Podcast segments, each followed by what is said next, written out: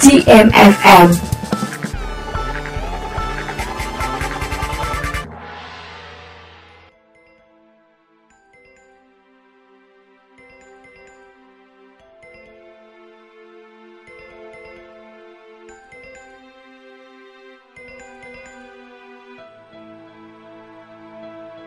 Assalamualaikum warahmatullahi wabarakatuh Salam, Om Swastu, Namo Buddhaya, Salam Kebajikan Salam sejahtera bagi kita semua. Selamat siang sahabat Garuda. Garuda Muda hadir di ruang dengar Anda. Bersama saya Puput. Dan saya Liva. Sekarang kita mau kasih tahu ke kalian semua nih Trip satu hari ke tiga tempat sekaligus. Mau tahu? Yuk cari tahu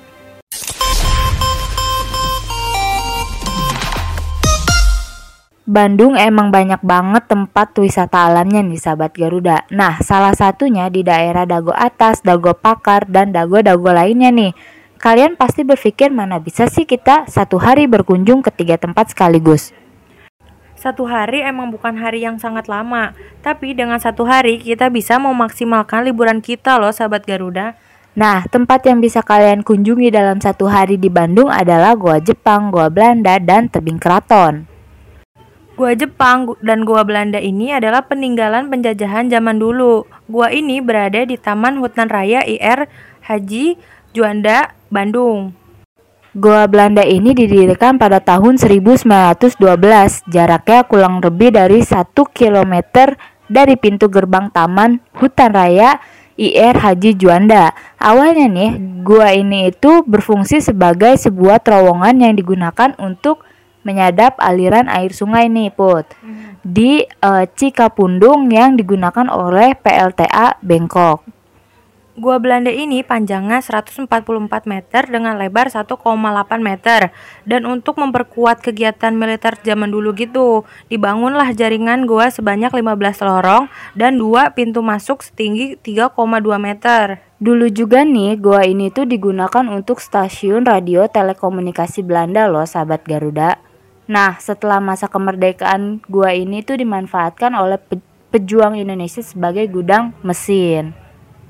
Gak jauh dari gua Belanda masih satu area nih, ada gua juga bernama Gua Jepang. Gua ini didirikan pada tahun 1942 oleh militer Jepang pada saat itu. Bener banget nih, Gua Jepang ini hanya berjarak kurang lebih 600 meter dari pintu gerbang Taman Hutan Raya IR Haji Juanda loh sahabat Garuda.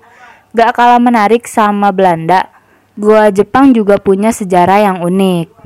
Kan kalau gua Belanda punya 15 lorong nih. Dan kalau gua Jepang punya 18 bunker. Nah, bunker-bunker ini memiliki fungsinya masing-masing nih, sahabat Garuda. Iya, bener banget nih. Misalnya nih, sebagai tempat uh, pengintaian, tempat penembakan, ruang pertemuan, gudang, dan dapur nih.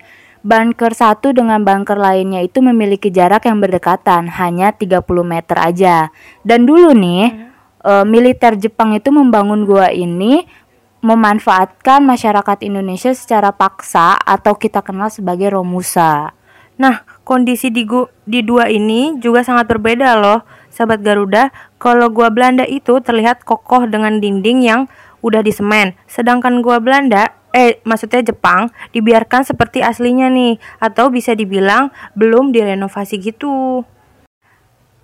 Tempat kayak gini cocok banget buat kalian yang mau berwisata edukasi. Kalau kalian mau masuk ke dalam guanya, kalian bisa meminta jasa guide yang udah disediakan sama pihak pengelola nih.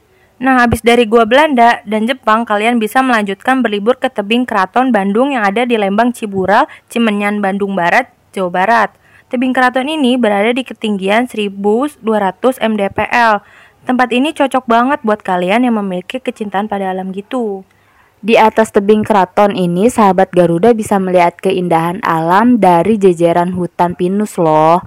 Dan yang paling menarik di sini, sahabat Garuda bisa melihat hamparan keindahan kota Bandung yang lebih epic banget. Selain melihat keindahan alam, aktivitas mulai dari kegiatan menantang sampai kegiatan relaksasi bisa dilakukan di tebing keraton ini sahabat Garuda. Emang gak salah ya kalau tebing keraton ini menjadi salah satu tujuan favorit wisatawan yang berkunjung ke Lembang ini.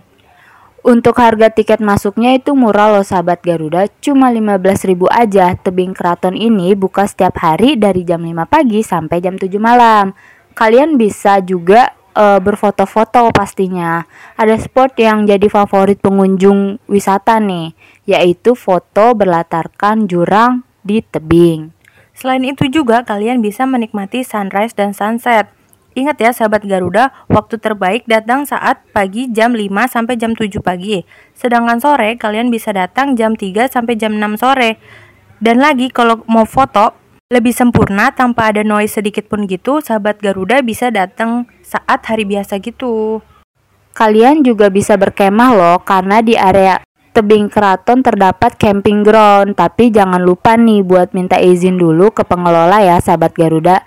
Nah, untuk trekking menuju bukit bisa menghabiskan waktu 15 sampai 30 menit dengan berjalan kaki. Di tebing keraton ini juga ada sarana belajarnya loh, karena di tebing keraton ini Lembang terdapat informasi tentang sesar Lembang, Lembang maksudnya. Terus nih ya, kalau sahabat Garuda mager banget buat jalan kaki, kalian bisa na kok naik sepeda. Fasilitasnya juga bisa dibilang lengkap loh sahabat Garuda, mulai dari tempat ibadah sampai warung makanan dan minuman pun ada.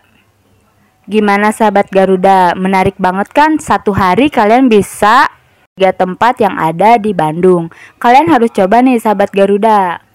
Hari ini segitu dulu ya informasi dari kita. Kalau kalian mau tahu, yuk cari tahu. Yuk.